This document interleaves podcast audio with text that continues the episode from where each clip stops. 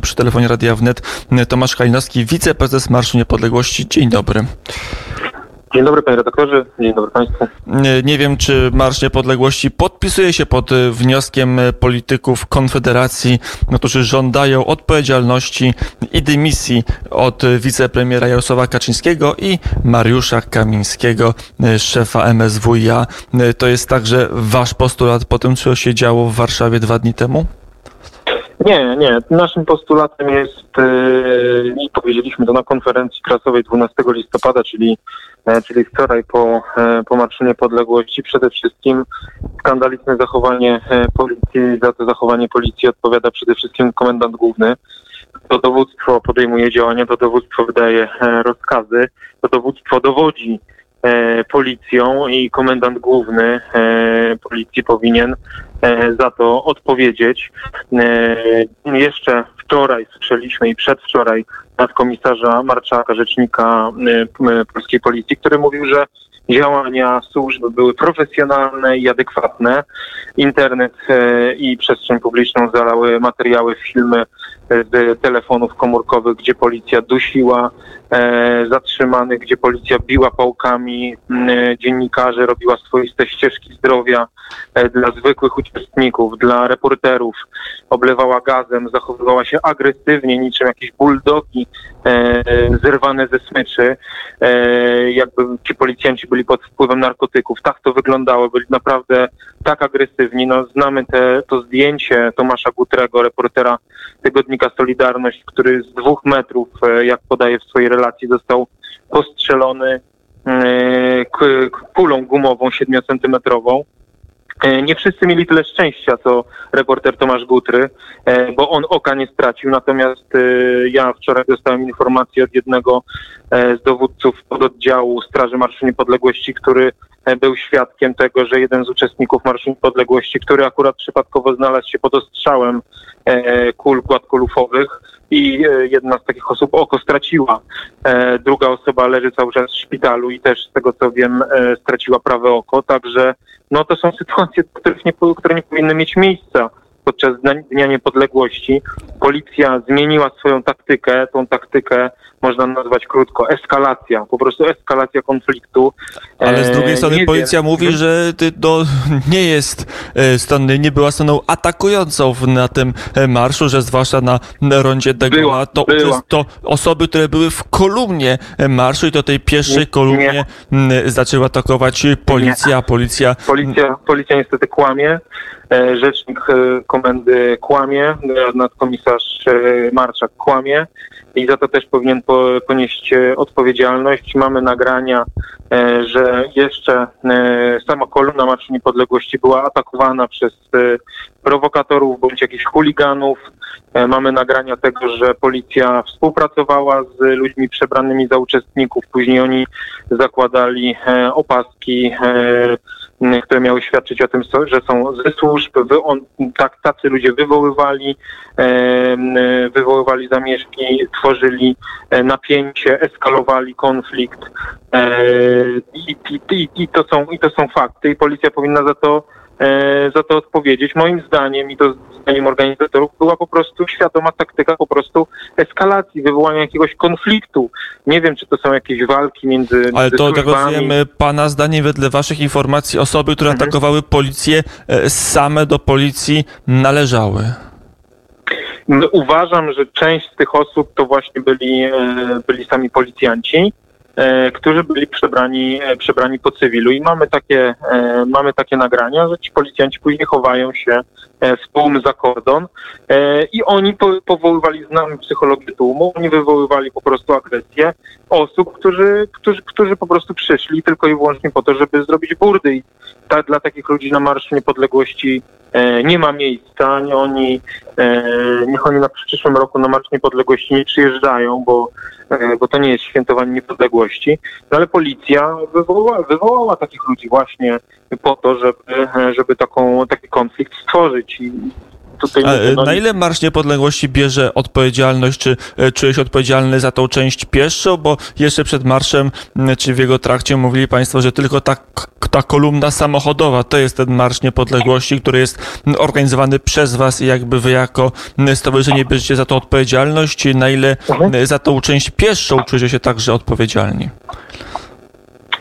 Odpowiedzialność prawną, e, za odpowiedzialność prawną w ogóle nie możemy, nie może tu być mowy o takiej, ponieważ de facto zgromadzenia e, pod względem prawnym żadnego nie było, bo uniemożliwił nam ten Rafał Trzaskowski i obostrzenia, to po pierwsze. Natomiast my e, chcieliśmy stworzyć taki, taką formułę zmotoryzowanego marszu. Ta formuła udałaby się, też gdyby nie policja. Policja po prostu złamała wszelkie ustalenia z nami, które do, były przed Marszem Niepodległości.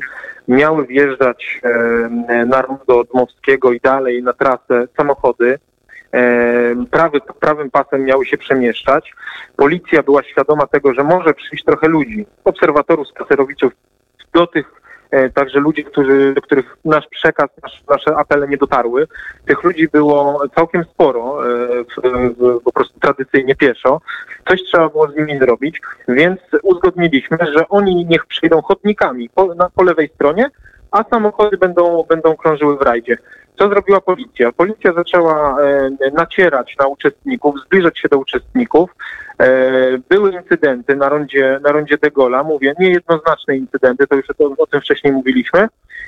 I jak pokazują nagrania z drona, policja spychała e, uczestników marszu, zwykłych ludzi, którzy szli, chcieli po prostu przejść do, de Gaulle'a, spychała na prawą, na prawą stronę, na prawy pas, tam gdzie powinny jeździć motocykle. Zresztą pod koła tych motocykli, ja to wrzucałem nawet na swojego Twittera, było to bardzo niebezpieczne. E, przez co nie mogły dalej przejeżdżać auta i, e, i motocykle. Tymczasem gdzieś kilometr, kilometr dalej policja oświadczała ludziom, którzy chcieli dołączać do marszu samochodowego, mówili, żeby e, skręcali na wolę, skręcali na Żoliborz, tam stawiali swoje auta, wysiadali z samochodów i dołączali pieszo, bo samochodami na Marsz Niepodległości nie dojadą. Także no, działania policji były po prostu moim zdaniem karygodne i to, co mu powiedziałem na początku, był, był pewien plan tego, żeby ten marsz logistycznie, bezpiecznie się odbył, a policja złamała wszelkie ustalenia. E, W jednym z incydentów na marszu e, było podpalenie mieszkania, chociaż chyba właściwie to nie mieszkanie spłonęło, tylko e, drzwi balkonowe, bo e, taki jest zakres. Szyba, szyba i drzwi, tak, bardzo. E, Taki jest zakres strat, ale w Polskę i pewnie w świat poszły, poszedł pożar mieszkania, może i kamienicy, a może i całego miasta. Taka jest natura niektórych mediów. E, Spłonęły e, drzwi balkonowe i szyba. Czy już wiecie, kto rzucał racami? Czy ta osoba została, czy te osoby zostały przez was albo przez policję już zidentyfikowane?